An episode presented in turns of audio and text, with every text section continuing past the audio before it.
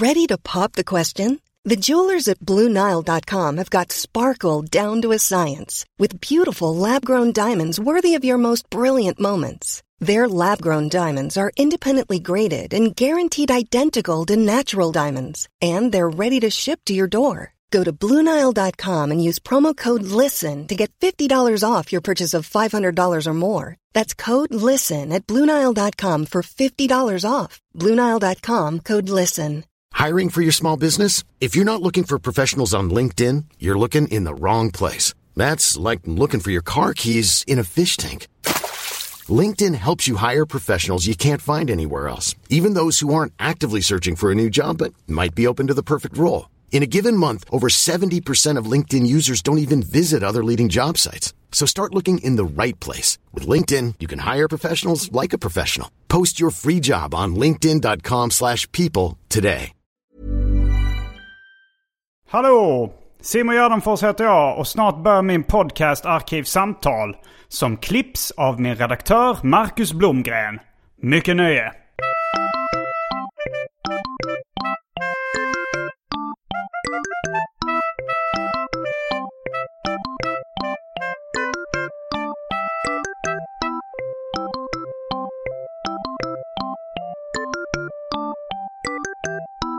Hej och välkomna till Arkivsamtal. Jag heter Simon Gärdenfors och mitt emot mig sitter Kalle Lind. Ja, det gör jag. Vi befinner oss i Lindokalen i Malmö. Ja, det är en legendarisk, får man väl säga, plats. Mm. Den är ju... Vem är det? glunkas ju oerhört mycket om allt som sker i Lindokalen. Jag skulle säga att det här är Malmös svar på The Factory. Ja, vem har varit här som du har... eh, Som du, vem tycker du är störst? Störst rent fysiskt, eh, Fredrik Lindström. Och eh, störst rent spirituellt? Fredrik Lindström. och störst rent kändismässigt, Fredrik Lindström. Fredrik Lindström var ja, okej, ja. Det är väl ungefär det som har skett. Ja, det, nej, det här är min, eh, liksom, eh, mitt kontor och lager och poddstudio. Mm. Det var inte här Per Olin var med? Nej, Per Olin, eh, det var ju länge sedan jag intervjuade honom, då satt han ju fortfarande nere i Hököpinge mellan alltså, söder om Malmö. eh, i- Var det där pennfilm fanns? Exakt. Då var jag på någon studiebesök där när jag var kanske 15. Ja. Eh, Det är en gammal sockerfabrik som han köpte någon gång på 70-talet och där hade han ju en industri eh, under perioder. Där, han- jag vet inte hur många som satt där som mest, men kanske en 30 pers eller så i alla fall. Eh, när de gjorde resan till Melonia måste de ju ha varit fler än så. Ja, ja, jag, var, jag gick någon kurs men eh, i animation när jag var 15. Då var det några i pennfilm som i det stallet som höll i kursen. Så. Men det är inte det vi ska prata om idag. Nej, nej. Eh, vi ska prata om generationsromaner. Ehm, och det är... Jag, skri- jag har gjort så, så kallad uh, slapp research. Och den definitionen jag hittar det är eh, då böcker, romaner som porträtterar en tidsanda men också en tidlöshet. Ja, jag förstår definitionen. Jag håller kanske inte med i praktiken. Ja, det är ett intressant begrepp för att eh, både du och jag vet, vet ju omedelbart vad vi menar när man säger det. Ja, den Okej. första som dyker upp i huvudet på de flesta som känner till begreppet är kanske Ulf Lundells Jack. Och det är ju jävligt intressant för det är ju våra föräldrars generationsroman. Absolut. Men det var den för, liksom, jag hittade den i deras bokhylla också när jag var liten och, och började läsa i den. Den är, är ganska lätt att sugas in i på något sätt. Även när jag, jag kanske bara var 13 då eller någonting när jag började läsa den. Ja, precis. Och den i sin tur är ju då väldigt inspirerad av eh, Jack Kerouacs On the Road som är liksom ytterligare 20 år tidigare, som ju också Ja. är en generationsroman. Som, På drift tror jag den heter, eller På väg i Ja. olika översättningar. ja, just det. Men på drift är nog den mest klassiska. Ja. Men jag tror den senaste översättningen heter På väg. Men det är väl också att eh, Jack, att han heter väl då, han har väl tagit namnet Jack efter Jack Kerouac. Ja, ja, och Lundell var ju ett stort Kerouac-fan. Har, du, har du läst? Jag, jag läser Kerouac, Jack Kerouac. Har du läst honom någon gång? Nej, men har du lust att hänga med på lite stillsamt? Håll igång! Han sjunger ju, alltså han apostroferar ju Kerouac i flera av sina låtar. Och, eh, Eh, och hur uttalade Jack själv sitt namn? Var det Kerouac eller Kerouac? För jag har hört båda. Jag, jag vet inte, jag träffade Kerouac. honom aldrig. Ja, Nej, jag, har, men- jag har aldrig hört någon, upp, någon inspelning med honom. Så att, jag vet inte var namnet kommer ifrån. Eh, Det låter ju som att, det, att han har franskt påbrå kanske. Ja. Så då är det väl Kerouac. Men, men var det, alltså av de här beatförfattarna, eh, var On the Road den enda av de liksom, romanerna där som brukar räknas som generationsroman? Ja, får man väl säga. Alltså de, de, de, de tre största beatförfattarna var Jack Kerouac, och, eh, Allen Ginsberg och eh, William Burroughs. Så skrev ju Burroughs, han skrev ju liksom väldigt syrad, trippad prosa. Naked Lunch är hans mest kända som, som ju som är, det är ju väldigt mycket liksom, trippupplevelser. Och, men, Al- och Allen Ginsberg var ju främst poet. Alltså beat, vad, vad, vad liksom beat-poesin eller beat-generationen var, det är ju lite oklart, alltså, så är det ju alltid. Men, men det var ju som en 50-tals företeelse i USA, framförallt i San Francisco. Som, som liksom ändå formulerade någon sorts idéer om både hur litteratur ska vara och hur livet ska levas. Och det gjorde de med, som en sån eh, som styrka att eh, liksom en kille då från Orminge, född 49, Ulf Lundell, som på andra sidan pölen 20 år senare kan ta det till sig och känna att det här är ju, det handlar ju, det handlar för fan om mig. Har han sagt det specifikt eller? Ja, men alltså att, Mm. att, att Kerouac har varit ett tema ja, från början i Lundells författarskap är ju väldigt, eh, det är ju ingen hemlighet. Nej. Men är det en svensk eh, term, generationsroman? För, Nej, tror för jag att, inte. För att eh, det verkar inte, alltså när man går in på Wikipedia-sidan så går den inte att översätta till engelska. Det, det är kanske några europeiska språk där de har begreppet liksom. Men det verkar inte, jag vet inte vad man säger i, eh, i USA eller, alltså jag, jag googlade lite, det stod liksom generation novel, men det var någon, något, någon liksom grej från 2020. De började liksom prata om begreppet generation novel. Men det, för det verkar inte finnas då på den tiden. Alltså de sa jag, jag läste liksom förordet till, eh, till On the Road. Och där stod det liksom att recensionerna så var det så här att han, den här boken representerar the beat generation. Liksom. Och det, då är det ju på något sätt liksom en, en generationsroman. Eller liksom en genera men, men jag vet inte vad de, om de använde begrepp, begreppet generationsroman eller något liknande i USA. Eller? Nej, nej, och jag vet inte heller. Och jag vet, alltså generationsroman är ju absolut ingen liksom, akademisk term. Eller så här. Det har ju säkert skrivits många liksom, uppsatser och avhandlingar om generationsromaner. Men, men det är fortfarande, liksom, om det har gjort det så har de ju förmodligen kommit fram till slutsatsen att det går inte riktigt att, att sätta några liksom, egentligen genredefinitioner. Nej. Utan det är någonting som man går lite, det är lite maggrop. Ja, jag Och läste det är att det väldigt inte mycket var, kultursidesfenomen. ja, att det inte var ens ett begrepp som användes i litteraturvetenskapen utan någonting som stod på baksidestexter och i recensioner. Och vi vet ju på något vis intuitivt ganska ofta vad, vad, vad som menas. Alltså, ja, det här är liksom en generationsroman. Då, han, då är det någon som på något vis gör anspråk på att skildra liksom en, en zeitgeist, en tidsanda från en viss eh, eh, då, Nej, det är frågan om det är medvetet alltid eller om det bara är någon som skriver vill. Det är ofta unga män och så liksom beskriver de eh, hur de lever just då när de skriver det ungefär. Mm. Ja, precis. Nej, en gång i tiden så var det nog inte alls, eh, eller behövde det nog inte alls vara så att det var det som var ambitionen. Nu ska jag försöka liksom fånga in liksom en känsla och beskriva vår tid. Men, Tror men, du Ulf Lundell gjorde det när han I skrev högsta Jack? grad. I högsta grad. Det var liksom en uttalad ambition att jag ska skildra, Ja. liksom, som han kallade det, liksom 67-generationen. Ja, och den kom år 76. 76. Han, han var inte 68 Lundell. Alltså, Mm. 68 var det ju kårhusockupationen och då blev folk liksom politiskt väckta. Men han var 67. Han var Summer of Love-generationen. Han trodde på Vattumannens tidsålder. Eh, Och i, I Lundells värld är det här väldigt viktigt. Ja, jag hörde eh, dig och Fredrik eh, av Trampe prata om det i Della Morta. Mm. Vi pratade länge om eh, hans fixering. Ulf Lundells 67. fixering vid 67. Ja, det var ju den eh, låten 67, 67 som jag började sjunga ur här Mm. också.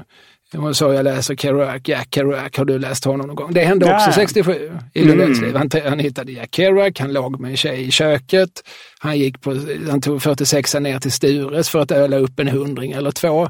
Han träffade sina kompisar Jonny och Bart och Mysan och Ben. Var det den kvinnan som smakade järn och vad var det? Eh, Järn och eh, kvinna. Kvinna och järn. Um, Ja, efter att han eh, då bröt tampongen ur Det var också 67. Nej, det var nog lite senare för det är ju Maria Pia Boetius som, Okej, ja. som, som, hon heter ju Marre eh, Jack, Mm. Mar, Marre Botin. Det är ju roligt. Eh, alltså, Ulf Lundell skriver 76 en roman som heter Jack, som ju är en nyckelroman. Den handlar ju om Ulf Lundell och Ja. det liv han har levt från 67 och framåt. Där så polar han med en kvinna som han kallar för Marre. Mm. Hon bygger då på Maria Pia Boetius som var en jätte, eller som strax efter breakade som journalist och liksom var ju som en av 80-talets mest liksom kända svenska journalister. Mm.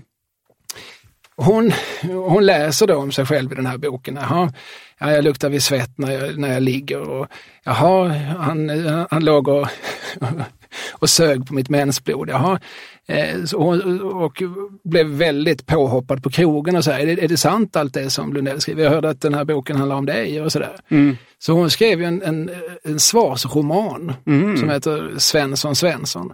Där hon, Okej. som, där hon då tar namnet Marre från Lundells bok. Och det var innan tv-serien Svensson Svensson. Då. Det var långt innan den. Eh, det här är ju 78 kanske den här kommer. Så hon är liksom, då, Marre Botin, som är det namn som, som eh, Lundell har gett till henne, det tar hon som sitt eget. Hon reclaimar det på något vis. Okej, då är det liksom det här min självbiografiska roman. Och i den boken så träffar hon då Jack Råstedt. Mm, mm. Och Jack Råstedt, han skriver en roman i den romanen som heter Jack och som blev en jättesuccé. Och som Borde är- inte heta Ulf då? Ja, det, jag håller med dig. Jag har Jag också tänker gjort... på Jerry, i, att Precis. skapar tv-seriens Jerry i Äh, Hon, Seinfeld. hon missar ju någon Ja. grej i, i, i sin översättning. Men det är ju som ett fantastiskt, eh, liksom, jag kan ju kalla det hämnd, men man kan nog också bara kalla det en replik på. Och För- ett solklart fall av renommésnyltning. Ja, det börjar ju med att han eh, vampyriserar Jo, jo, det på, på deras säga. liv och hänger ut henne. Så då, då är det väl rimligt att, eh, att svara på något sätt. Nu har det blivit dags för det omåttligt populära inslaget Välj drycken.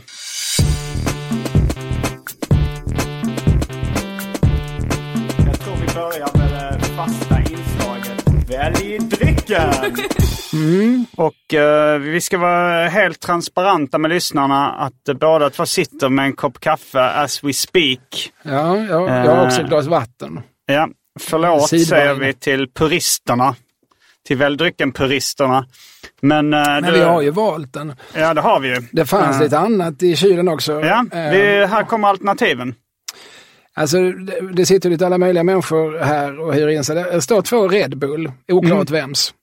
Eh, det står en laktosfri mjölk, det står någon sorts ärtmjölk eller havremjölk eller så. Eh, det står fyra folkisar som är mina. Mm. 33 år. Eh, Det kanske känns mest generationsroman att dricka folköl. det beror på vilken generation. Ja, för- rödvin. Hade det varit rödvin hade jag sagt att det hade känts mest generationsroman överlag. Ja, för sen står det liksom en halv festis, det kan ju en barngeneration. För dem är det ju... Ja. Och sen står det en, en flaska vitt. Okej. Men den, eh, den tänkte jag ta med hem, så Ja, den då, får du hälsa inte välja. jag väljer folköl då. Ja. ja. Du, och du väljer... Jag, jag, stannar med kaffet. Du stannar med kaffe. Då är vi strax tillbaks eh, med drycken, känd från det omåttligt populära inslaget eh, Välj drycken. Häng med!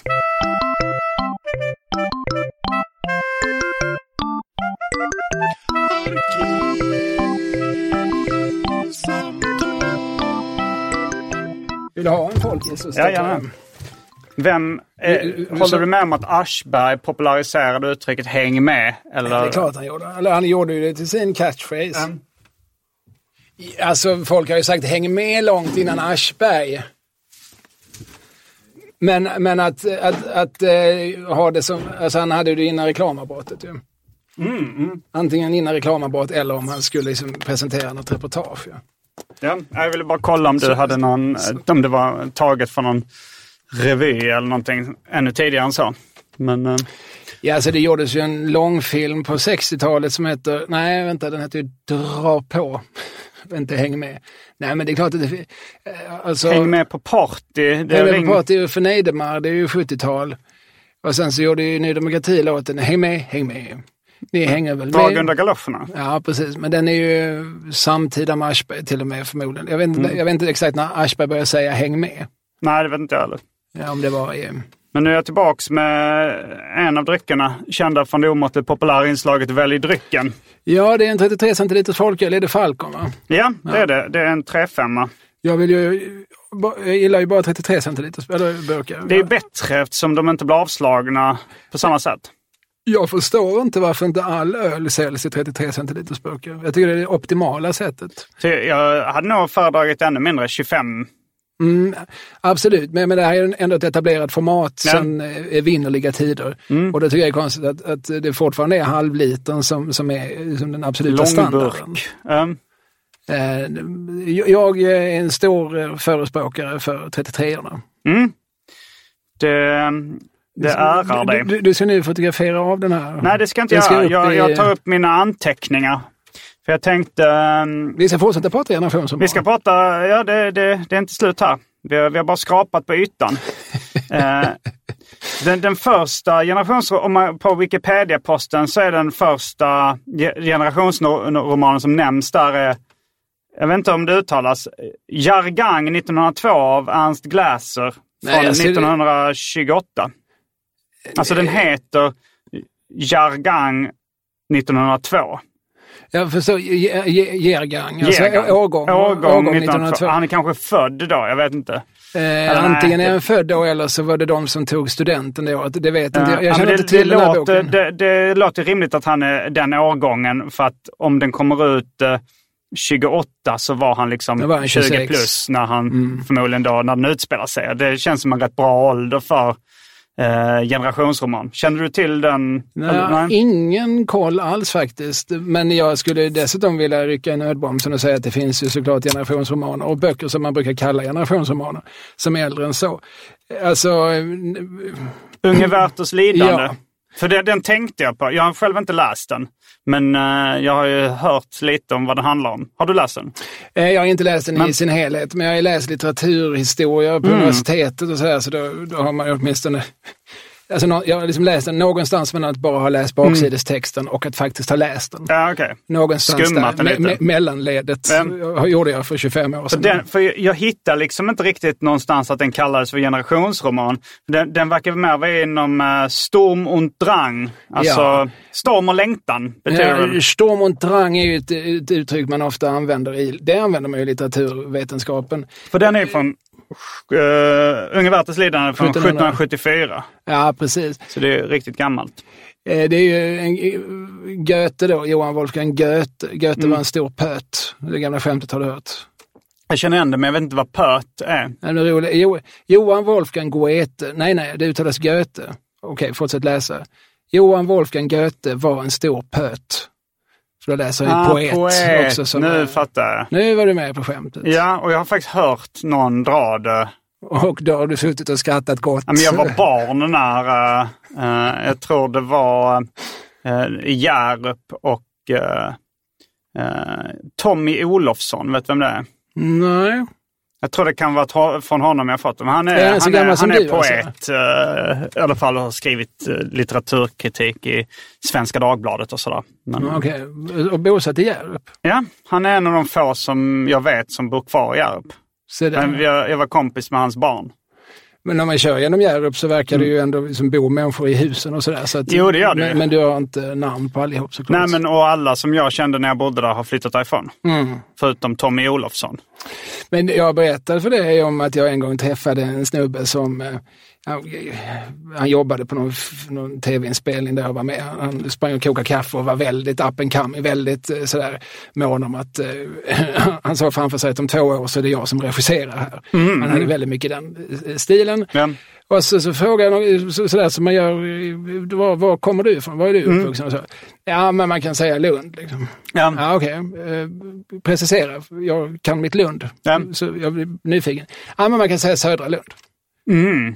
Ja, det kan man säga. Alltså, det, pratar vi Klostergården, pratar vi Sankt Claesparken? Eh, Alltså när jag är från Hjärup.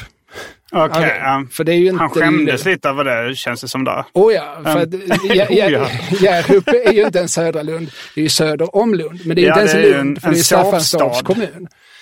Alltså det, det funkar. Ja, har de inte bytt? Är det, är det Staffanstorps kommun nu? Eller Ja, blev jag den ägd? Nej, nej, egen kommun Men- var det ju innan storkommunsammanslagningen 74. Möjligen. Nej, nej, alltså det är ju... Sen, sen Men de är- fick ett eget postnummer i alla fall. Ja, ja. Nej, och sen så funkar det, eftersom det, det ligger ju mellan eh, Lund och Malmö och ligger längs Pågatågssträckan. Så att folk som bor i Hjärup jobbar väl ofta i Lund. Ja, Och jobbar kanske Malmö. mindre sällan i Staffanstorp. Men det är liksom rent formellt Staffanstorps kommun. Så att säga södra Lund, Det är Mm. fel. det är fel. Men det var också lite gulligt att Ja. han försökte liksom ta Han sig ur det här. Liksom. sin, sitt ursprung lite. Tills den punkten han insett att jag, jag kommer inte att ge mig. Jag vill veta, jag vill ha namnet på gatan du är uppvuxen pojk. Men du gick inte in specifikt om det var Skånebyn eller Uppåkra eller liksom Nej, delarna för- av Hjärup. Nej, tyvärr. Sen kan inte jag mitt Hjärup så bra. Mm. Men- Du får gärna göra en eh, guidad rundtur med mig i Hjärup. Ja, då ska jag visa dig Hjärups slum Mm. som är väldigt liten. Jag spelade in en musikvideo i Hjärup eh, till uh, låten Det är Vesslan. Det, är något av en guidad tur i Hjärup. Men där fanns någon slags countryhak utanför, precis utanför Hjärup. Fanns det det? Det har jag missat. Alltså någon, de ställer de spelar Eh, eh, countrymusik. Typ, ja, typ eh, som, som någon har byggt lite grann som en ranch. Aha. Där de kanske till och med på grindstolpen att det satt någon sorts buffelhuvud. Mhm. Men nu är vi ju tidigt 90-tal någonting. Men jag vet att jag som vid något tillfälle har, kört förbi detta och Mm. eh, tänkt det händer saker i Hjärup också. Ja. Ja. Jag flyttade därifrån tidigt 90-tal. Så du, inte, du var inte inblandad i den här kontraklubben? Nej, Nej. och Jackriborg eh, dök upp efter vi hade flyttat också. Ja, just det. Som är döpt efter Jan och Christer. Precis, Bröd, br- byggbröderna som har byggt den här liksom Hansa-imiterade stadsdelen. Jag, Ja. jag är väldigt förtjust i Jackriborg. Jag tycker det är jävligt roligt. Ja, det är att, roligt. Det Att någon gör så liksom i den likriktade modernistiska arkitektoniska era vi lever. Att någon kommer, vi ska bygga en Hansaby här ute på Skåneslätten. Ja. Och där har ju hela centrum flyttat till nu i Hjärup. De har rivit det gamla postbank, bibliotek och allting ligger nu i Jackriborg. ja. Så det har förändrats. Men tillbaks till, um, tillbaks till generationsroman. Har du det, har, haft Hjärup som tema i något program? Det har jag faktiskt inte. Nej, Eh, det är frågan kanske är- hög tid. Ja, det kanske det är faktiskt. Jag tror det finns rätt stor efterfrågan. Eh, Vem, eh, vet du någon expert? Ska jag ha, Tommy, Tommy Olofsson kanske jag ska ta in då. Han, han sitter, jag tror han är med i Hjärups byalag också. Ja, men han är en kulturkritiker och Mm. som är äldre än vi och sitter i Hjärup, då vet han allt om Hjärup. Jag har för mig att han inte är lika förtjust i Jackriborg som du är. Nej, jag Han- tvingas ju inte se det dagligen. Nej. Det är mycket lättare för mig. Men eh, generationsromaner, det, Ja. en annan jag tänkte på då ehm, eh, som ligger någonstans mellan eh, årgång 1902 och Den unge Werther är ju då Röda rummet av August Strindberg Mm. från 1879. Mm. Eh, brukar den räknas som en generationsroman? Ja, alltså, återigen, vem är det som räknar? Vem, ja, men vem alltså, är det som... som att, det är ju inget snack om att Jack eller eh, På drift Nej, och- och- är och generationsromaner, men, men eh, Och- det och kanske är snack. Samma huruvida det- aspekt skulle man absolut kunna säga att Röda rummet är det. Eller rättare sagt, Röda rummet innehåller ju en massa saker. Det här var ju Strindbergs debut, debutroman. Det Han- stod också att, liksom, att generationsromaner ofta är författarens debutroman. Det är ju ofta så. Det, Mm. det, det första man skriver är ju ofta liksom om livet fram till nu. Mm. Man skriver ju ofta om sig själv. Man har liksom någonting på, ja allt det här har jag varit med om. Det här, Mm. det här, vill, det här vill jag att andra människor ska veta om mig. Eh, och Strindberg, han hade ju väldigt mycket på hjärtat så att han ville ju både skildra sin krets, alltså olika liksom, konstnärer och bohemer som hängde just på Röda rummet på Mm. Berns. Men han ville ju också skildra Stockholm ur väldigt många olika perspektiv. Han ville också skildra den byråkrati han hade upplevt när han jobbade på posten. Han ville också skildra eh, lite teatervärld och så. så att den, den är ju man använder ibland begreppet sedesskildring, alltså när man skildrar en, en eh, Ja, alltså en, en tid och en, en plats och eh, man gör liksom nedslag lite här och var i sin samtid. Det, det är, det är, ja, en generationsroman, det är också i väldigt hög grad en Stockholmsskildring.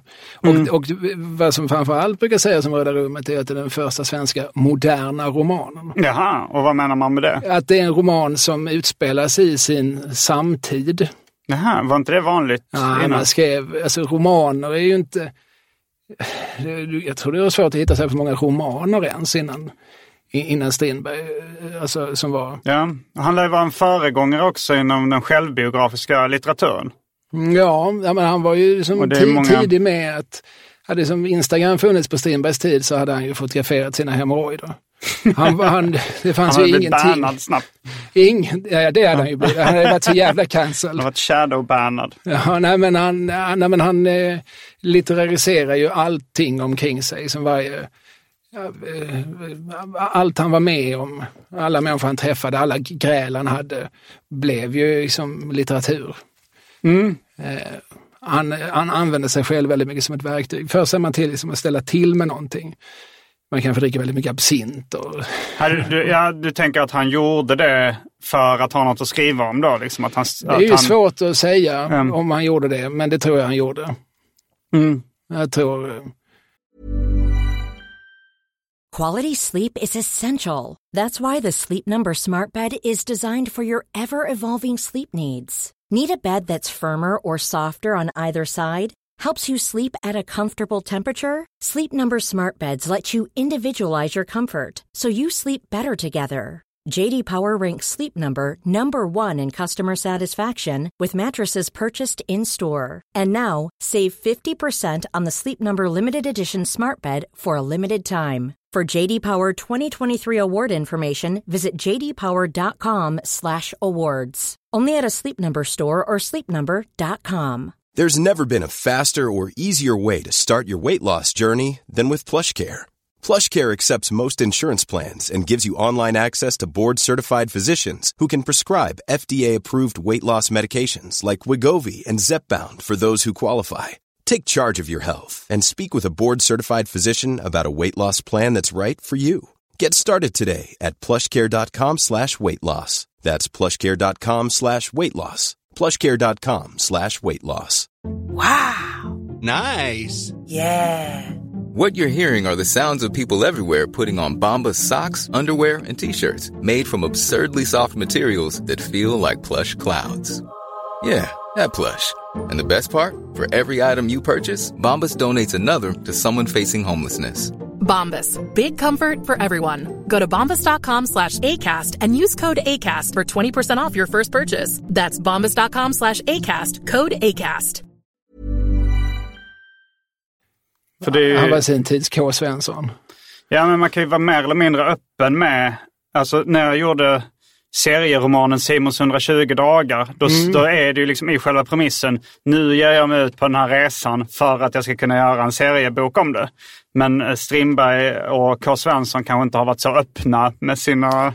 Eh, så här, nu ska jag göra det här för att jag ska skildra det. Men jag tror ibland man försöker göra, liksom ta in det i någon sorts efterkonstruktion. Ja, jag, ja, jag gjorde bort mig utav helvete, men det blev ju, det ska jag nu göra god litteratur av. Den, Och eh, då kan man kanske få det att låta som att det var lite avsiktligt. För, Ja. att, för att det, blev, det blev ju också bra material till eh, en roman eller en pjäs eller en ståuppföreställning. det är med i någon av Mats Jonssons serieböcker eh, där han säger nu grät jag, det blev bra i serien. Nej, men, nej men sådär blir det ju Och han är också såklart. nämnd som, liksom, alltså Hey Princess är också nämnd då som en, en generationsroman.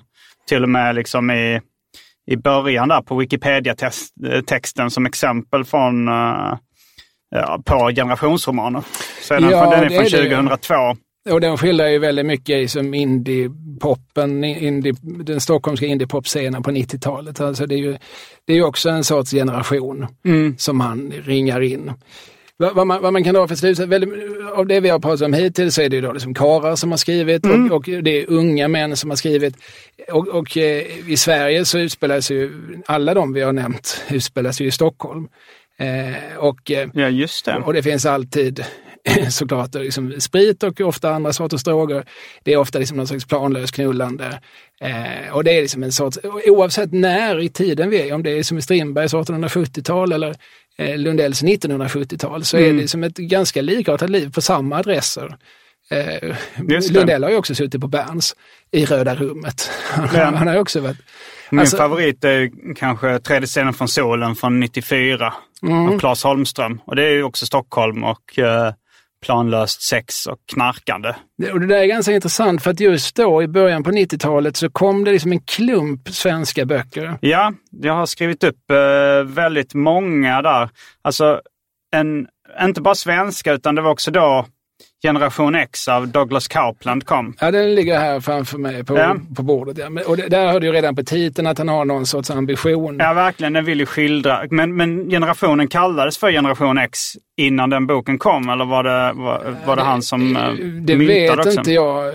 Jag är ganska säker på att genom romanen så fick, eh, så fick begreppet vingar. Mm. Men, men det var säkert någonting han plockade upp. Douglas Coupland är ju en, väldigt, liksom, var en var och är en väldigt påläst författare.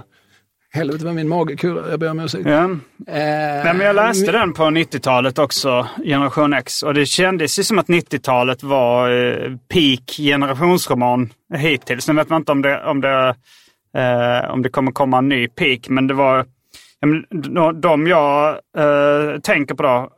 Per Hagmans cigarett 1991 mm. också. Eh, han släppte också Pool några år senare. Och som, Volt strax därpå. Ja, den har jag inte läst för jag tänkte att den var inte, vad, vad handlar Volt om? Är det också liksom en uh, så här, illa förtäckt självbiografi? Jag tror att för varje bok så blir den liksom mindre självbiografisk. Mm. Men, men det är fortfarande liksom världar som han känner väl som ja. han skildrar.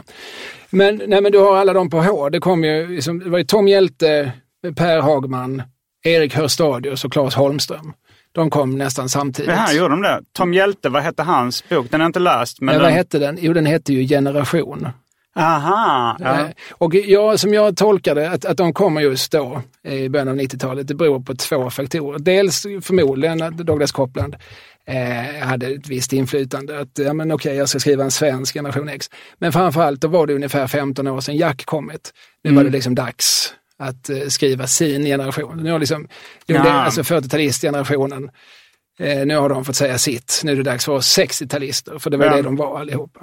Men det var då också jag läste den första boken som skulle kunna räknas som generationsroman skriven av en kvinna. Som är då Ta vad man vill ha. Av Louise Boye och Genäs. Hur uttalar det? Genäs? Jag tror det är med J-ljud, ja.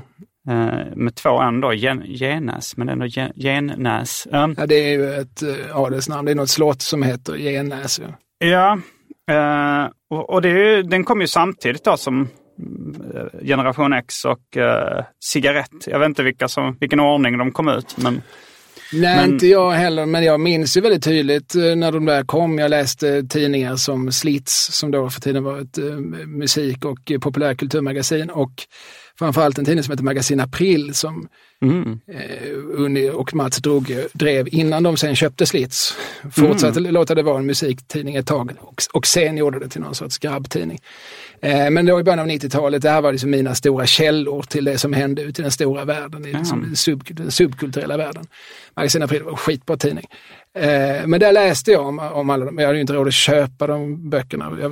Biblioteken har inte tagit in dem? Nej, jag vet inte hur många av dem jag frågar efter. Men jag, så, så, rätt många av dem har jag inte läst, men jag minns men. dem ändå väldigt tydligt. Jag minns författarintervjuerna, ja. kan man säga.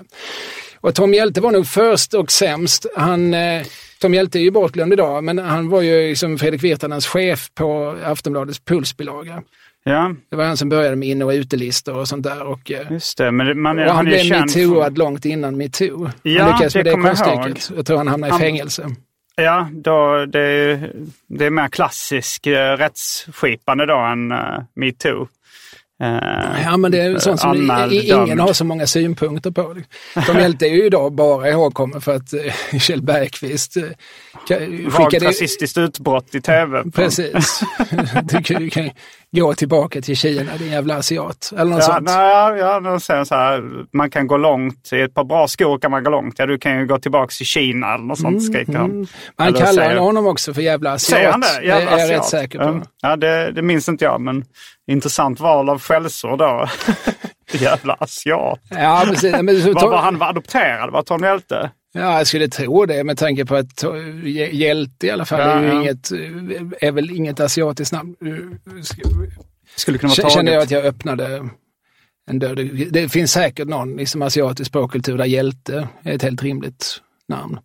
Men, han, men alla de här alla de här vi räknar upp är Custodius hjärtats djur, som ju direkt alluderar också på Lundell-titel Hjärtats ljus.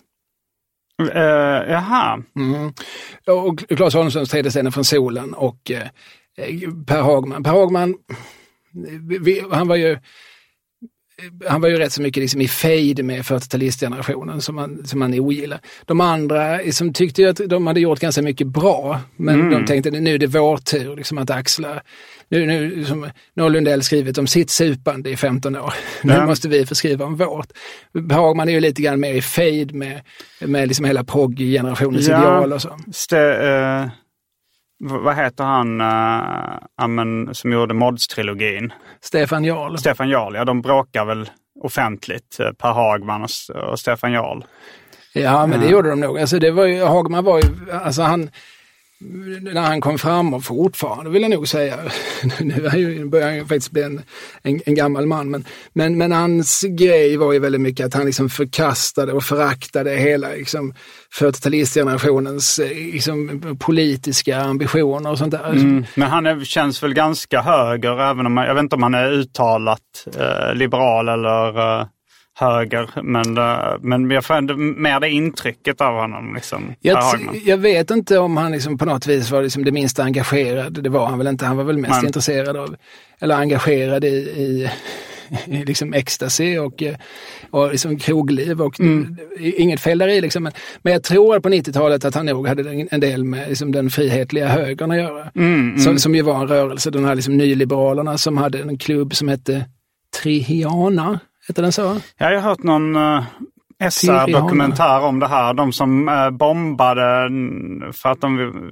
Var det OS? Nej, det var. Nej, alltså en av killarna, Den- Mats Hintze, en av dem som råkade vara med i den här rörelsen var, var ju också eh, psykiskt instabil och eh, eh, la någon bomb för att han ville hindra någon OS-ansökan. Och så. Ja, för Men att de ju- hade tagit någon, alltså för att de hade lagt ner någon klubb eller något rave eller vad det var. Ja, det han- finns säkert någon koppling, men där, för där fanns ju kopplingar till, till det som hände vid Finnboda varv, alltså Docklands. Mm.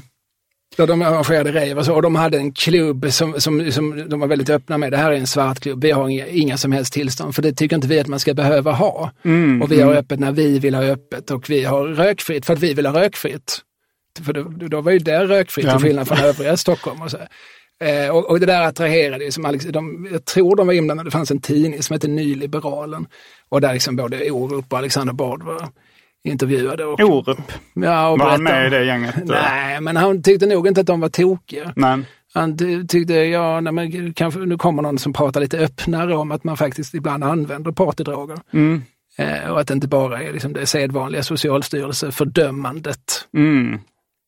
Så det fanns en sorts rörelse som jag tror att Per Hagman åtminstone hade en hel del med att göra. Jag vet inte om han, hur mycket han delade deras värderingar i stort, men det, det tror jag att han gjorde. Mm. Eh, men, men det intressanta, alla de här killarna vill ju vara Lundell någonstans. Jag, jag, det är ju ambitionerna bakom de här romanerna. Nu, Mm. Jag vill skriva min tids Jack. Och ja, det- det... kanske det är. Ja. För nu, nu när, du- när jag tänker efter så är Claes Holmström ett Lundell-fan även av hans musik och sånt jag för mig. Att de, han gjorde Lundell-rock liksom. Ja, ja, precis. Sen så, återigen, det är ju inte så att de vill på något vis fotostatkopiera den, utan de vill ju liksom ta hans modell och liksom överföra på sina egna erfarenheter. Och det gjorde de ju då olika framgångsrikt. Så Holmströms bok var ju bra, för att han hade Ja. till skillnad från de andra, hade han ju lite humor. Mm. Eh, men han blev inte riktigt lika framgångsrik som Per Hagman. Vem skulle du säga var näst störst av, Per- alltså om den generationen? Var det Hörstadius? Eller? Nej, alltså som författare var ju ingen av dem särskilt stor. Så Per Hagman blev ju det med tiden för att han fortsatte att skriva. Ehm, Eh, och, eh, och ju- hade ju som en- samlade en kultpublik redan på 90-talet och nu, bör, nu efter 25 års skrivande så börjar han ju nästan ses som en nu är han en författare. liksom. Det tar ju lång tid Ja. i den världen. Jag Pool kom på bio förra året. Då. Ja, men jag vet att han själv sa för som rätt länge sedan i någon intervju så fördelen med att vara författare det är att man kan vara lovande så länge. Jag debuterade samtidigt med Popsicle. Det är ju inte så att någon ser Popsicle som ett lovande popband. Nej.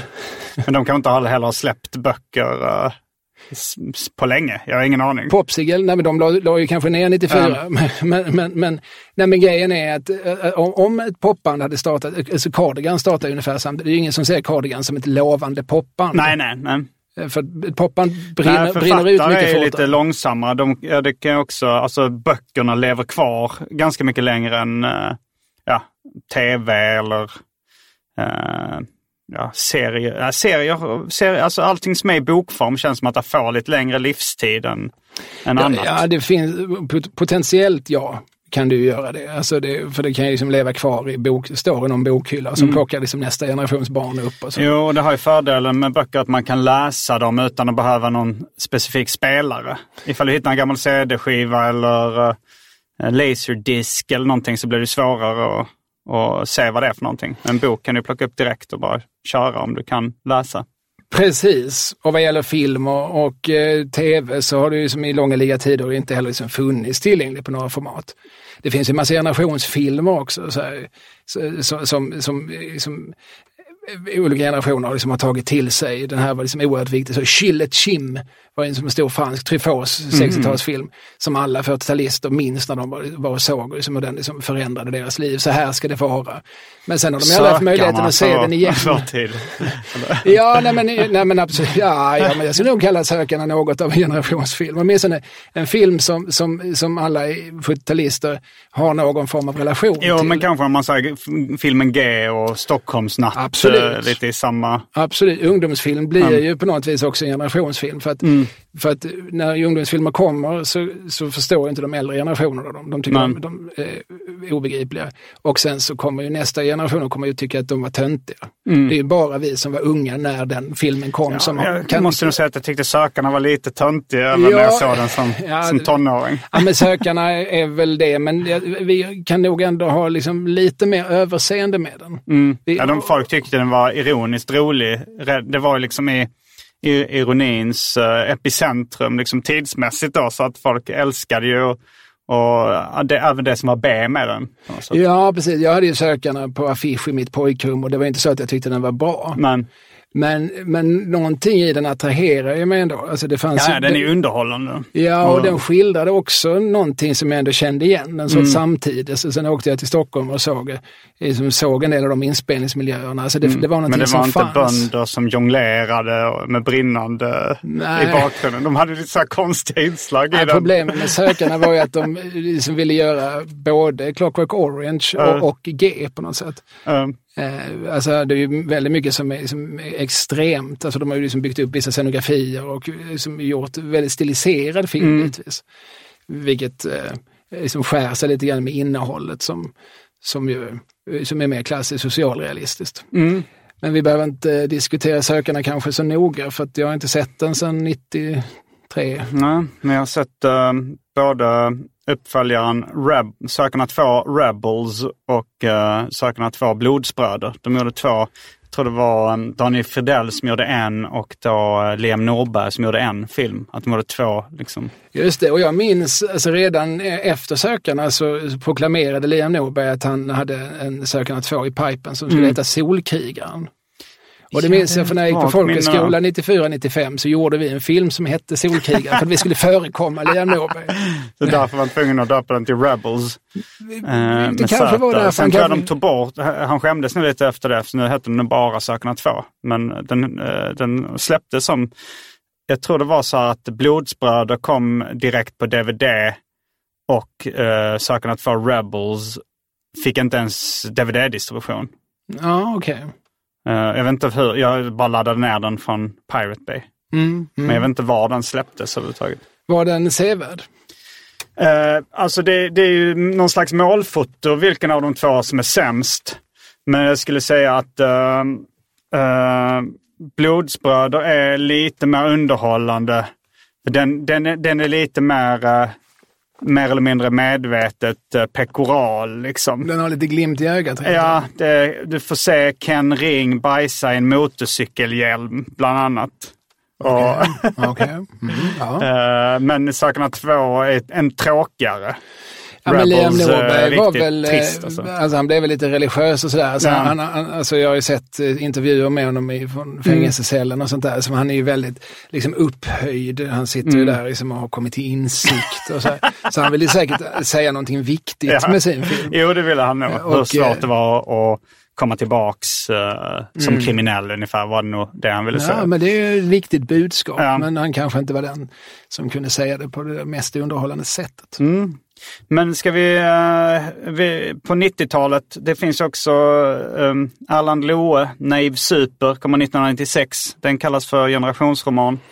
Ja, det, det, det kan det väl sägas vara. Alltså, alltså, för att en definition kan ju också liksom sägas vara alltså att många i en generation känner att den här talar till mig. Mm. Alltså det måste inte vara så att författaren har en ambition att skildra någon slags generationstillstånd. Det kan också vara så att publiken uppfattar det så. Mm. Det, här, det här är, om man kan liksom tydligt se, det, och det är också ganska vanligt just med debutromaner, här är någon som kommer och säger någonting som, som många i min ålder känner igen sig i. Mm. Alltså att det är liksom publiken som någonstans dubbar någonting till en generationsroman. Den, genom att, ja, jag läste den när, någon gång då på 90-talet tror jag, men jag kunde inte riktigt känna igen mig i den. Jag har nog inte läst Naiv Super. Erlend Loe blev ju liksom lite kultförfattare så, här, så han skrev ju som en, en räcka ganska korta, mm. lättlästa pocket. Jag de kom ut i pocket. läsa Expedition L också. Jag läste en som jag minns att jag tyckte var rolig, kanske hette Doppler, heter den så? Jaha, vad handlar den om? Ja, det var någon man som var kompis med en älg. ja. Alltså den var ju rolig, alltså det var ju humor, men, mm. men den var ju inte... Eh... Det var inte realism? Nej, det var det inte. Det var liksom i så fall förhöjt på något mm. vis. Det var liksom lite absurt. Mm, ja, men så var väl Naive Super också. Att det var, det, alltså, om man jämför den då med Tredje scenen från solen eller Hey Princess eller Jack så känner man att det här, det här är, känns mycket mer, alltså de, de tre är mycket mer självupplevda. Mm. Kände jag en Nave Super var lite förhöjd realism. Ja, precis. Alltså det är ju, alltså man kan ju ta sina egna upplevelser och sen liksom stöpa om dem, alltså göra dem, liksom presentera dem i som någon sorts absurdistisk eller liksom förhöjd eller dramatiserad form eller så kan man försöka hålla sig så nära verkligheten som möjligt. Alltså man kan använda samma stoff och göra mm. olika sorters av. Men, men det som man liksom, när man tänker på generationsroman eh, generellt, det, det, vi ser framför oss är ju väldigt mycket liksom, ung människa vi, vi ser någonting som är liksom realistiskt skrivet, och no, men så, som också försöker liksom, som säga det här, någonting om sin man fångar upp någonting i tiden. Mm. Och det gör man ju ofta mycket genom liksom populärkulturella referenser. Mm. Alla de här böckerna, särskilt 90-talsböckerna, liksom, de dryper ju av det är väldigt noga hela tiden, var sitter vi? Vi sitter på McDonalds, var lyssnar vi på? Var, mm. Vilka ställen går vi på? Vad dricker vi? Vad äter vi? Alltså, var, och vad röker vi? Alltså, jag minns inte om det var så i Jack eller inte. Jo, det är det ju. Det det. Um. Framförallt är det ju som ett jävla droppande av gatuadresser hela tiden. Mm, vi mm. vet ju alltid exakt var i Stockholm Jack befinner sig. Um. Det behöver man aldrig liksom tvivla om. Man kan ju liksom gå med den boken i handen längs mm. Stockholms gator om man vill varför man nu skulle göra det. Men, men, eh, ja, det nej, finns men, ju sådana litterära rundvandringar i städer. Ja, det kan man ju absolut göra utifrån Jack. Mm. Han, han bor ju i en stuga i, i Vita bergsparken som är ganska nära där Hasse Tage hade sin skrivarstuga. Ja, jag tror jag kan ha varit där. Det var eh, en uh, ung komiker som har varit med i Arkivsamtal som jag frågade, var det den stugan som Ulf Lundell bodde i? Och han sa, det får vi inte prata om. Nej, just det. Jag vet inte om det är något hemligt. Nej, men det, ja, den adressen men... finns, jag har nog, jag har den nog uppskriven. Eh, för mm. det var ju, Christer Strömholm, fotografen, en av Sveriges största fotografer. Lundell hängde ju med hans son Joakim Strömholm och det var hans stuga i Vitabergsparken som Lundell lånade. Och där även Jack då, hans alter ego, bor. Det låter bekant. Jag tror det, jag tror det är den stugan där en ung komiker bor. Eller ja, bodde för det är samma nyligen. stuga som Åsa Moberg, Aftonbladet journalist, som vi också kan nämna i sammanhanget, som också har skrivit flera som, generationsromaner om man så vill. Eh, men hon bodde också där på 60-talet, Mm. i samma stuga tror jag. Eh, Lånad av Christer Strömholm. För att, eh, om jag nämner Åsa Moberg, jag tänker det är, som, det är så uppenbart, jag, säger, jag benämner elefanten i rummet. Vi pratar ju bara om män. Ja, vi nämnde ju faktiskt eh, ta Louise vad man vill ha. Alltså. Nej, men jag, har du läst den här, Alltings början av Carolina Ramqvist? Nej, det har jag inte. Är, det, är hon på Jamaica i den eller är det... Nej, hon är i Stockholm på 90-talet. Det här Okej. är alltså När Hey, kom? Princess-tiden. Grejen är att den här kom 2012. Ja, men då har jag nog bara hört talas om den. För att hon skrev väl någon form av... Hon skrev någon bok på 90-talet också, har jag för mig. Mm. Där hon åker till Jamaica. Jag kommer inte ihåg vad den hette. Nej, jag minns inte heller, jag läste inte det. Men hon, sk- hon skrev redan på 90-talet, ja, precis, Mm. ett par självbiografiska romaner. Men den här boken, Alltings början, som ju då är relativt ny, den, Mm. här- den här skildrar ju som, på något vis vårt 90-tal. Nu tittar jag på dig. Det här är ju Mm. som samma 90-tal som Claes Holmström eh, beskrev medan det pågick. Och Mats Jonsson. Som Mats Jonsson sk- beskrev precis när det var färdigt, Mm. kan man väl säga. Hey Princess är ju ändå tillbakablicken. Ja, för att han- grann, eh, och Carolina Ramqvist gör det här liksom då ytterligare 10-12 år senare. Mm. Eh, men, men alldeles tydligt med ambitionen att, att eh, skriva fram ett 90-tal från, ur minnet. Liksom. Mm. Hur, hur var det? Nämner hon namn? Ja, det vill jag minnas att hon nämner en jävla massa namn på, Jag funderar på, på den här, eh, apropå nämna namn, det var, eh, vad hette den här, eh, Myggor och tigrar? Ja, Maja Lundgren. Eh, den, det kändes inte som att den räknades som en generationsroman. Men det, Nej. men det blev ju rätt så här, eh, omskriven för, just för att hon nämnde väldigt mycket namn. Ja, men det är inte den enda definitionen på en generationsroman. Alltså Man- och tigrar är ju som ett helt annat sorts projekt. Alltså, den, den är ju mycket mer en, en så, sorts eh, som självrannsakan. Den, den är ju samma genre som, skulle jag hävda, som Karina Rydbergs Den högsta kasten. Mm. Som kom på 90-talet och som, som ju blev extremt uppmärksammad för att där nämndes namn. Ja, ja. Hon skrev om någon karl som inte ville ligga med henne och hon nämnde namnet på honom. Mm. Och alla som hängde på P.A. Company på, på Riddargatan eller vad det nu ligger, de och visste räknades den som generationsroman? Nej, utan, utan det är en annan sorts jag-roman, självutlämnande roman. Mm. Ja. Men det finns ju ett gränsland här, för många av de här böckerna är ju både och. Mm. Men eh, jag glömde vad du sa, Nämn, alltså, skriver hon Fredrik Virtanen om hon träffar honom? ja, liksom, eller? kanske... Hon gifte väl sig med honom Just Fredrik senare. Virtanen skriver hon nog inte namnet på. Men- Men kanske att hon skriver, liksom just liksom, när det gäller liksom perifera figurer, att hon nämner deras autentiska namn. Men annars är, eh, har ju folk liksom alias.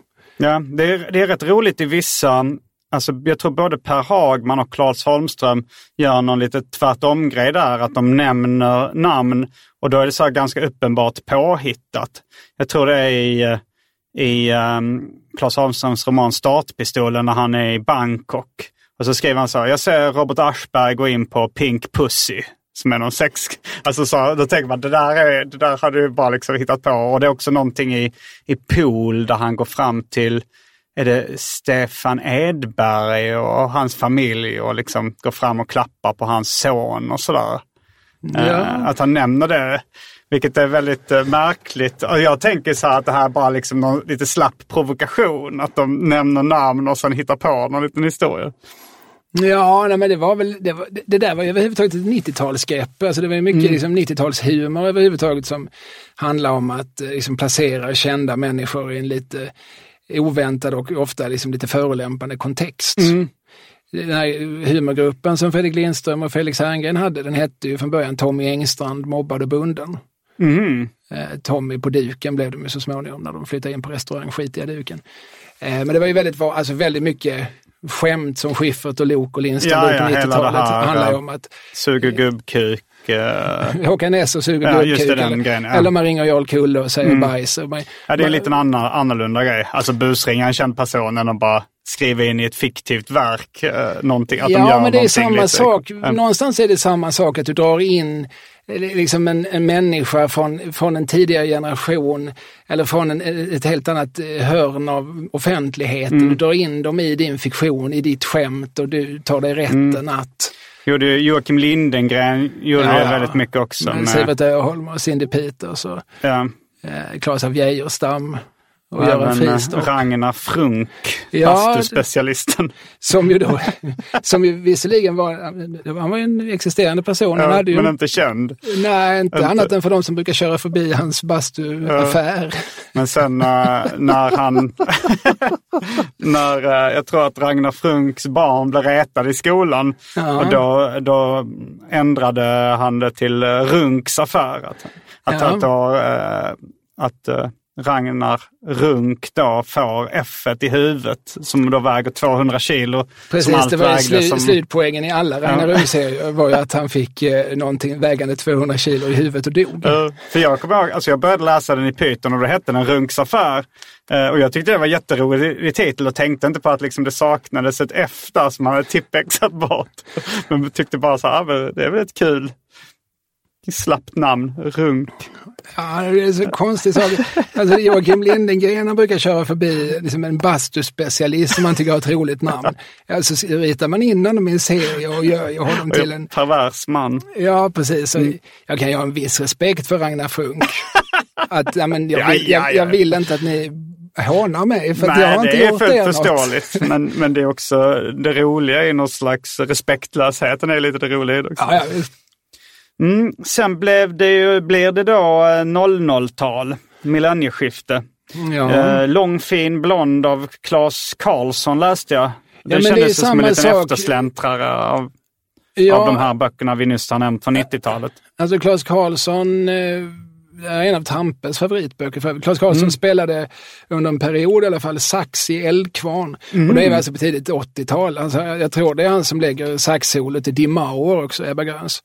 Eh, han var ju, alltså, så att han är ju 50-talist måste han ju vara. Så att Hans- han, ah. och boken skildrar, alltså precis som alltings början. Alltså, jag, jag gör lite skillnad där, för att vi- vissa böcker gör ju liksom anspråk på, jag ska liksom ta temperaturen på det som är, Mm. är just nu. Här nu, ja. Medan andra liksom är skrivna från ett liksom, efterhandsperspektiv. Man tittar i backspegeln, hur var det? Mm. Och den är ju verkligen en sån eh, bok. För den, den tror jag, undrar om inte den utspelar sig liksom redan på 80-talet. Gör den det? För jag fattade inte riktigt. Uh, alltså det fanns ju ändå så här, eh, de går till Tre Indier som var en indisk restaurang som jag liksom gick, som, jag tror den fortfarande ligger kvar där på Söder i Stockholm. Eh, men det kanske är någon bara riktigt gammal. Men, men jag tyckte att den, den påminde väldigt mycket om liksom Per Hagman och Claes Holmströms böcker. Men det var någonting som var lite, lite konstigt med den. Och det kanske var det här då att den var att det var en betydligt äldre person som hade skrivit den och att... eh, Ja, som skriver kanske från ett annat perspektiv i livet också, Mm. när man tittar tillbaka på det. Vi kan nämna bland de här 90-talsböckerna en som, som jag som kom liksom samtidigt med att alla de här herrarna på H skrev om sitt Stockholm och Louise Borg av Genes skrev om Stureplan och så här. Peter Birro mm. debuterade ju vid samma tid med en bok som hette Under bordet. Eh, som också skildrade som en ung man på glid som dricker väldigt mycket alkohol men som bor i Angered. Mm. Men det är ju väldigt mycket liksom samma sorts samma sorts bok, även om han kanske var mer då Bukowski än Bret Easton Ellis inspirerad. Eller mer, eh, han ville mer liksom borra sig ner i, i mänsklighetens äckel och avfall eh, än vad Många av de här vill ju skriva någon sorts just liksom rapport från krogborden, rapport från det Stockholm som rör sig. Så liksom satt Peter Birro ute i Angered och drack folköl och, och liksom knackade ner sitt, sitt äckel. Ja. Han beskrev liksom Han en var väl, mage han efter... efter... så uttalat Strindbergs-inspirerad också. Eller? Strindberg var väl hans hjälte rätt mycket. Absolut. Och, Mer och, än menar, och en vi har ju Jack nämnt... och... Alltså om de då älskade eh, Lundell, de andra, så kanske han mm, liksom siktade mer efter Strindberg. Ja, men man får inte glömma, även, Strindberg, eller även Lundell läste ju Strindberg. Mm. Och, och en, en figur som också kan nämnas som Lundell i högsta grad hade läst är ju Hemingway. Mm. Som på 20-talet skrev Och solen har sin gång. Som ju också brukar räknas som generationsroman. Mm. Det är ju den som skildras som the lost generation. Alltså det glada 20-talsgenerationen. Alltså de här som eh, vi dricker cocktail och vi dansar till Charleston, men vi vet. Är att, Henry Miller med i det gänget också? Eller vad? Henry Miller, är, är han samtida med Hemingway? Han är väl lite yngre än Hemingway kanske, men han skrev väl de här Sexus, Plexus, Nexus, de kommer väl på 50-talet va? Ja, jag höll på att läsa.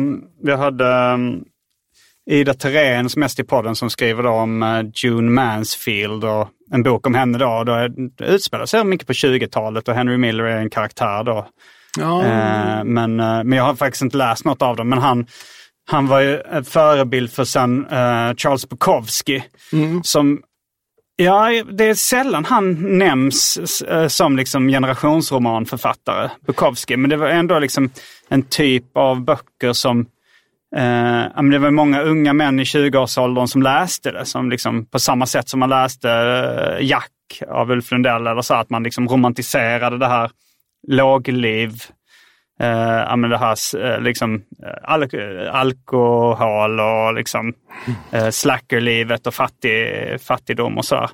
Det är ju en sorts litteratur som ligger ganska nära liksom, rock och musikmyten. Mm, just det. Det, alltså det hör liksom ihop, läser jag den här boken, den här författaren, så lyssnar jag också på den här Mm. musiken och det är ungefär lika viktigt. Det är liksom lika viktiga attribut. När jag Ja. liksom tar hem en, en, en, en dam och visar upp mitt hem så ska jag liksom, eh, så har jag de här som signalböckerna, de här signalskivorna. Det här säger vem jag är. De skrämmer bort väldigt många tror jag.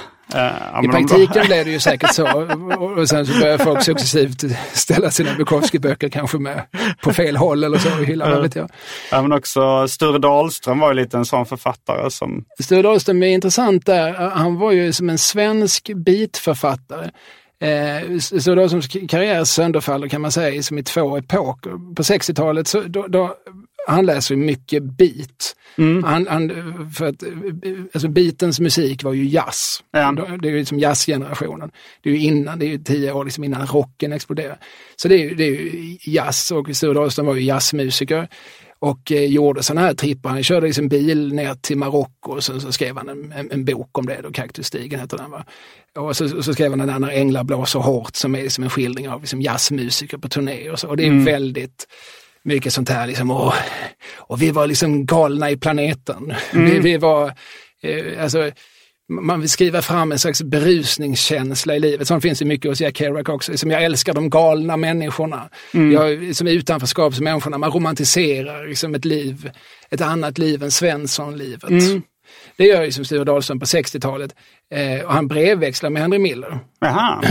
Han skriver ett par av sina böcker på engelska. Från början. Han bor ju liksom inte i Sverige på 60 och 70-talen. Han bor i Spanien va? Ja, främst i Spanien, men jag tror också han bor en sväng i USA. Mm.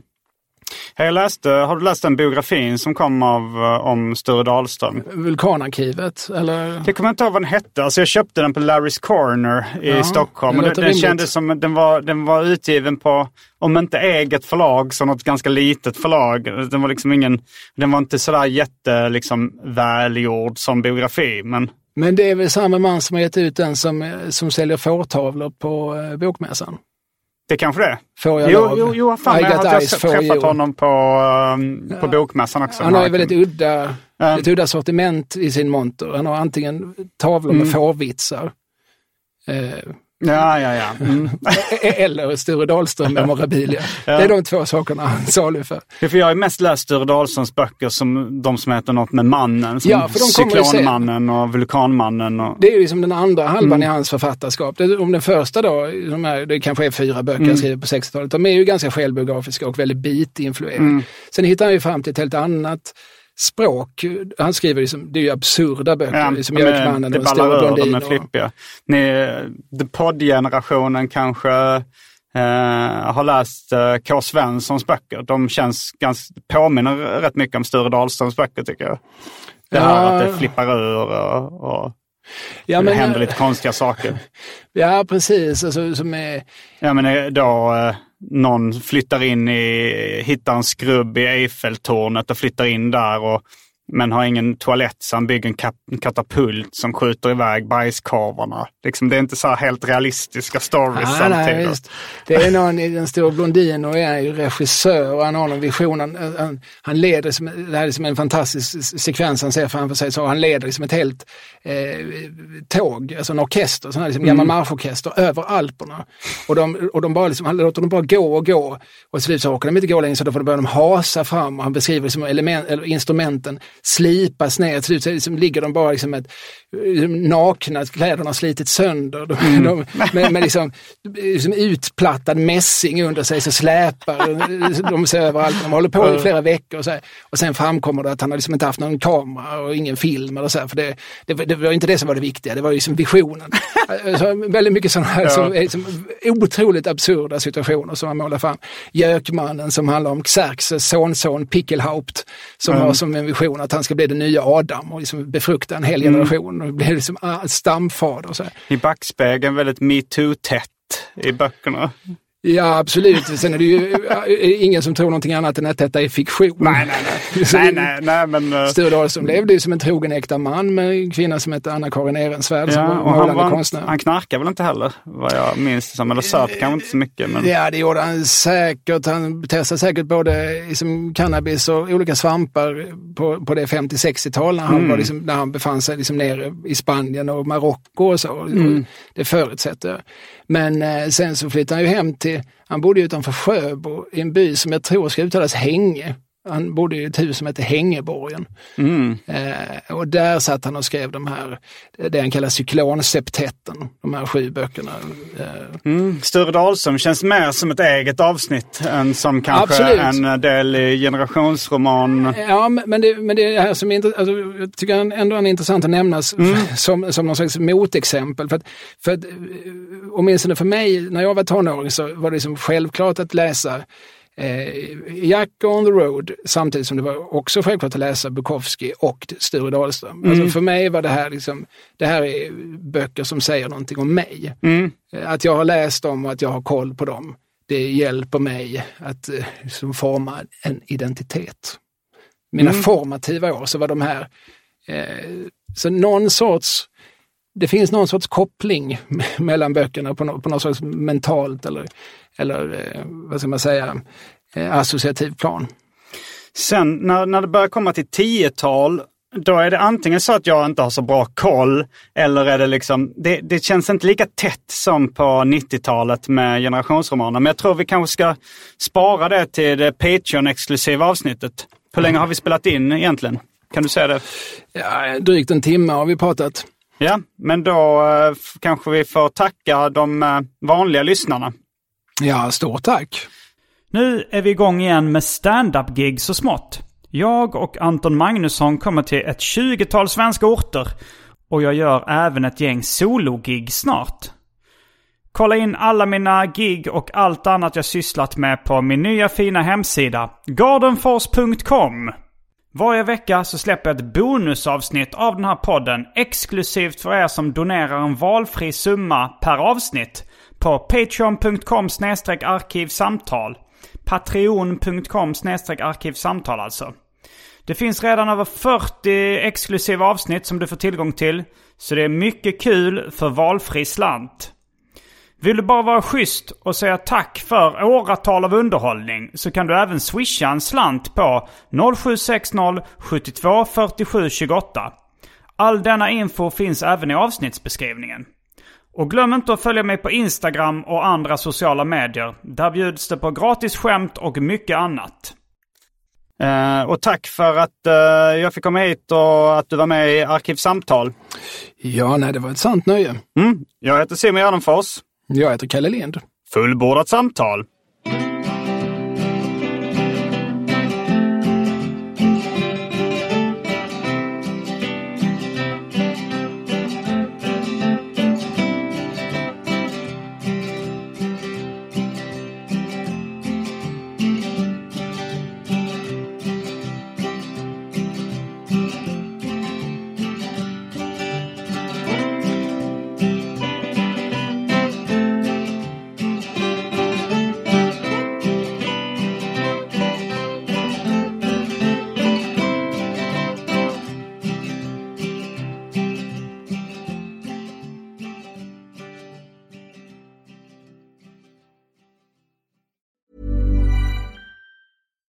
Deserves the best, and there's no better place to shop for Mother's Day than Whole Foods Market. They're your destination for unbeatable savings, from premium gifts to show-stopping flowers and irresistible desserts. Start by saving 33% with Prime on all body care and candles. Then get a 15-stem bunch of tulips for just $9.99 each with Prime. Round out Mom's menu with festive rosé, irresistible berry chantilly cake, and more special treats. Come celebrate Mother's Day at Whole Foods Market. Mom deserves the best, and there's no better place to shop for Mother's Day than Whole Foods Market. They're your destination for unbeatable savings, from premium gifts to show-stopping flowers and irresistible desserts. Start by saving 33% with Prime on all body care and candles. Then get a 15-stem bunch of tulips for just $9.99 each with Prime. Round out Mom's menu with festive rosé, irresistible berry chantilly cake, and more special treats. Come celebrate Mother's Day at Whole Foods Market.